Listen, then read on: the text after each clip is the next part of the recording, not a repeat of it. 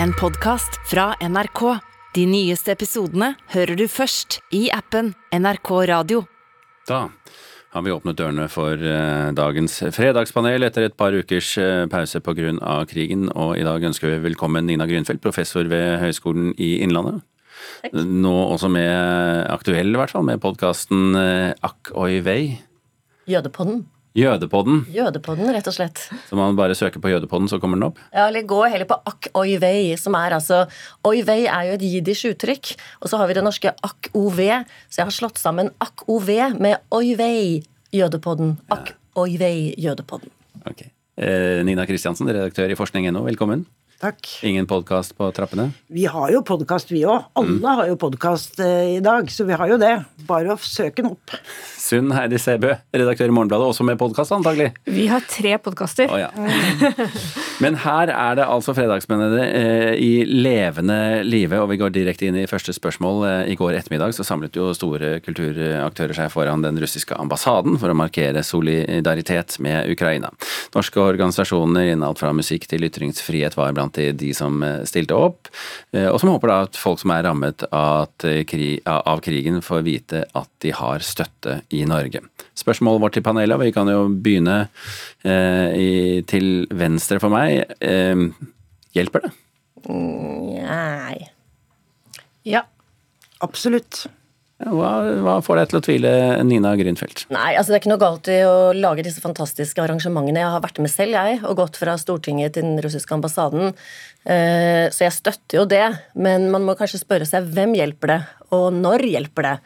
Eh, nå har jo Zelenskyj utallige ganger sagt at hjelp oss å stoppe dette luftrommet.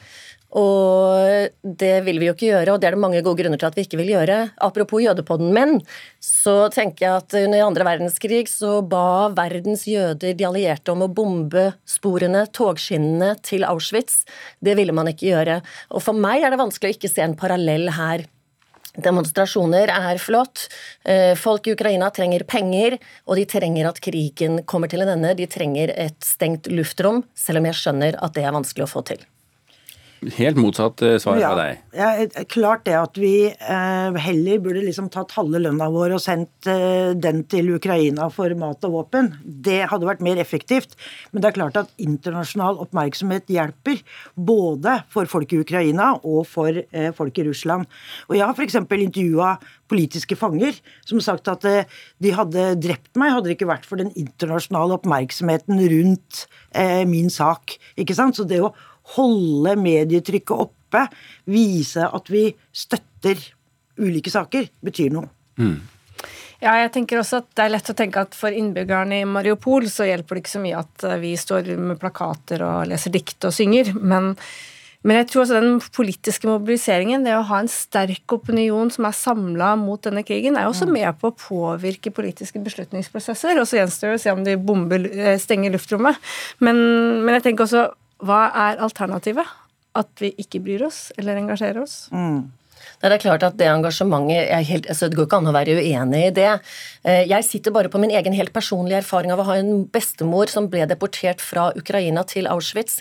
Jeg tror at eh, for dem som virkelig står i det, og hvis man da skal være litt kynisk da, i et sånt spørsmål og si 'hjelper det her og nå', så tror jeg dessverre ikke det hjelper mm. veldig mye, i motsetning til andre ting som kunne hjulpet enda mer. For det er jo litt sånn også at vi ser for oss da at ukrainerne får se dette eh, oppmøtet foran den russiske ambassaden. Så kan det hende at de føler det eh, som støtte, men det kan jo også hende at de syns det er håpløst med tanke på at folk dør i gatene der. Jo da, og det risikerer vi jo, fordi det er klart at vi kan ikke oppleve det som de opplever. Men det er jo klart også under andre verdenskrig hadde folkeopinionen vært sterkere, hadde det vært demonstrasjoner verden over mot eh, jødedeportasjonene, så hadde kanskje også politikerne den gangen måttet gjort mer, da. Den gangen var det jo veldig stille. Det er et godt argument. Vi lar det stoppe med det eh, gode argumentet, så hopper vi til neste spørsmål. Så kommer det gode argumenter der. Flere svenske aviser droppet den norske tegneserien Nemi etter at en av seriestripene inneholdt det de da mener er et tydelig standpunkt i ulvedebatten. Og for folk som kjenner Nemi, så er hun da ikke spesielt eh, interessert i at vi har uh, ulvejakt her i landet. Spørsmålet vårt er, var det en riktig avgjørelse? Nei. Nei. Nei. Nei. Ok, Sunn Heidi, hvorfor ikke? Jeg stussa litt over de begrunnelsene som ble gitt for å, for å stanse denne tegneserien. og de, Det var liksom så opplest og vedtatt at eh, det er ikke lov å ha opinionsdannelse i tegneserie. Det, det skal ikke mene, det skal ikke ha en politisk brodd. Og det, Nå leser ikke jeg så mye tegneserier lenger, det må jeg innrømme, men sånn jeg husker eh, Donald Duck, f.eks., så var jo det Så vidt jeg kan huske, så var det jo litt eh, ganske, ganske sterk kapitalismekritikk av Onkel Skrue. Han kom jo ikke så godt ut av den serien. Og generelt så handler jo altså Tegneserie er en form for kunstnerisk uttrykk som handler om å ha en take på verden. Ha, det er jo ikke sånn at vi forventer at det ikke skal ha en klo eller en brodd. Mm. Så dette skjønner jeg lite av. Nina Kristiansen, la meg kaste inn eh, litt flammer i bålet her. Um, hva hvis det var en, uh, u, uh, en ubegrenset støtte til Putin i den tegneserien? Mm. Ville det endre situasjonen? Ja, eller en ubegrenset støtte til å skyte ulven. Nei, altså, så Redaktøren er jo suveren til å avslutte eh, den tegneserien og bestemme over sitt eget innhold. Og de hadde jo tydelig dårlig kontroll da, i og med at de faktisk publiserte den. Så, så det må jo eh, redaktøren kunne gjøre. Men skal ikke eh, tegneserier ha brodd. Jeg er veldig enig med deg. at det, det, er ikke sånn at ja, tegneserier er bare sånne ting som vi skal le av og småhumre og så helt ufarlig. Så, ja, Men her snakker vi om hva slags type brodd, da. ikke sant? Det er jo ja. der hvor går grensen for, ja. uh, for brodd? For ja da, og, og, og, det er jo mange tegneserier som antagelig ikke vil komme på trykk fordi de har meninger som eller inneholder stoff som redaksjonen ikke liker, og det, og det må de få lov til å bestemme. Jeg tenker at hun hadde også veldig dårlig kontrakt da, i og med at de kunne avslutte på dagen. Det ble jeg litt bekymra for. Vi går ikke inn den veien nå. Vi går ikke inn den veien nå. Uh, Nina Grünfeldt, uh, hva uh, hvis dette var en tegning av Mohammed? Ja, altså Lars Wilks han har jo måttet leve med beskyttelse i mange, mange år, men vi har jo forsvart hans rett til å å tegne disse tegningene. Jeg syns det er underlig at 14 regionsaviser som du sier, ikke får med seg at dette står på trykk i avisen deres, og så umiddelbart velger å si opp avtalene med henne. Noen har klaget, kanskje? Eh, noen har kanskje klaget, men jo, man, det, man, blir jo litt fundersom, da, som det vel egentlig kanskje heter på svensk. Jeg har bodd lenge i Sverige. Eh, at så mange redaktører ikke henger med på hva som skjer i avisen deres. Jeg er klar over at det er et konsern her, og at dette her styres eh, mer ovenifra enn på dette detaljplanet. Det sier kanskje også noe med svenskene og engstelse for uenighet, og vi snakker jo ofte om svenske tilstander osv. De sier jo selv, i hvert fall en av disse redaktørene, at de ønsker seg underholdning og berettelse eller samtidskommentarer med knorr. Altså ja, Hva nå det betyr? Den knorren, denne knorren er tydeligvis for stor, da. Det syns jeg er eh, veldig, veldig underlig. Ja, Det er rart også, fordi at hun slår jo bare fast noe som er fakta. Mm. Ulven er rødlista, og likevel er det lisensjakt. Mm. Så det er jo ikke, det er jo ikke en, det er jo som du sier, det er ikke en oppfordring til massedrap eller noe andre veien heller. Nei. Så jeg blir litt sånn lei meg, fordi at når det gjelder ulv og rovdyr, så er det sånn Norge og mange land har jo blitt veldig sånn kunnskapsbaserte i, i, politiske beslutninger, men når det gjelder rovdyr, så er det bare følelsene som får lov til å styre.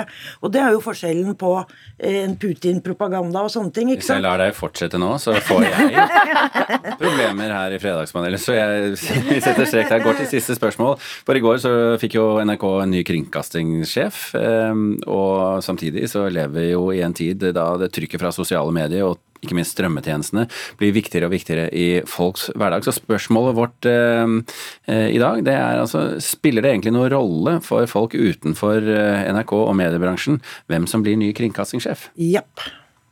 Ja, mer enn de aner. Ja. Ah. Vi er så enige. ja, og dette var jo ikke engang spørsmålet om eh, det var en, en kvinnelig sjef, mm. men bare viktigheten altså, av en meg, ny sjef. For meg personlig så har jo kringkastingssjefen betydd mye, for jeg kom faktisk opp i kringkastingssjef muntlig en gang på Universitetet i Oslo i medievitenskap. Og jeg, da hadde jeg bare en vag idé om hva kringkastingssjefen drev med. Nei, men det er klart det at det betyr noe hvem som sitter på toppen. Jeg har jo vært sjef i mange år sjøl. Du kommer ingen sted uten gode folk, og at liksom det er masse kompetanse i organisasjonen, men det betyr jo noe hvem som sitter på toppen og leder. Jo, men Betyr det noe for folk utenfor mediebransjen? Ja, fordi, ja, fordi den som sitter på toppen, preger jo organisasjonen, og det vil jo det norske folket merke. Altså, Hvis du eh, skal klage, f.eks., og det er en het potet på innhold. Nå hørte jeg på, på P2 her i morges at eh, folk hadde klaget på Nytt på Nytt fordi man hadde fleipet om krigen i Ukraina. Eh, sånne typer klager kan jo skape stor blest, og til slutt, hvis dette blir stort nok, så havner de jo på kringkastingssjefens skrivebord.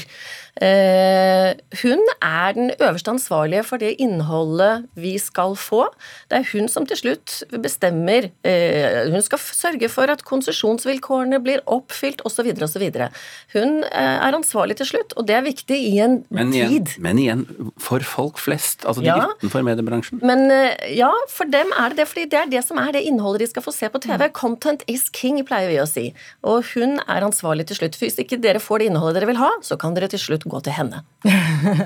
Ja, og så tenker jeg, En ting er jo at eh, kringkastingssjefen har veldig mye å si, for hvis oppskyndingen og tilliten til NRK faller, så tenker jeg at eh, resten av oss i mediebransjen også er i trøbbel. fordi dere er, dere er, en, veldig, altså dere er en stor eh, innholdsprodusent eh, og har en spesiell posisjon i Norge. Og så legger jeg merke til at du snakker om strømmetjenestene eh, som en av utfordrerne til NRK. Og da håper jeg jo for guds skyld at kringkastingssjefen ikke bare ikke ser seg blind på den konkurransen fra Netflix og TV2 Sumo, og sånn, men at som nyhetsmenneske så håper jeg også at dere tar den delen av oppdraget på alvor. da. Hun har jo selv vært veldig opptatt av mangfold. Vi snakket jo om mangfold da vi kom inn her i dag, fordi at vi tenkte kanskje vi utfordret Bare for å si det til lytterne, det var mens den forrige reportasjen gikk, så snakket vi om det litt her i panelet før vi fikk rødlys og ut på lufta. Ja. Men eh, hun er opptatt av mangfold, det har hun vært veldig tydelig på. eh, og det er jo nettopp der kanskje NRK har dette fortrinnet. Og hvis hun tar det ansvaret på fullt alvor, hvilket hun har sagt hun skal gjøre, så tenker jeg at det er nettopp, som hun også selv sier, det som vil utfordre strømmetjenester og en del av de andre innholdsleverandørene, hvor vi ikke vet hvem som sitter på toppen. Ok, Kort, kort Godt råd til eh, Vibeke Fyrsthaugen eh, til slutt. Ja, hør på alle de flinke folka i organisasjonen. Husk at du skal være allmennkringkaster og ikke algoritmestyrt. Nei, jeg tror kanskje vær synlig, så folk ute i gata vet hvem du er. Det var tre gode råd til eh, frokost for eh, vår nye kringkastingssjef Bekke Vibeke Fyrsthaugen. Fredagspanelet skal vi ta oss og runde av med de tre rådene, og så sier vi takk til Nina Grünfeldt, Nina Kristiansen og Sunn Heidi Sæbø. Takk, alle sammen. Du har hørt en podkast fra NRK. De nyeste episodene og alle radiokanalene hører du i appen NRK Radio.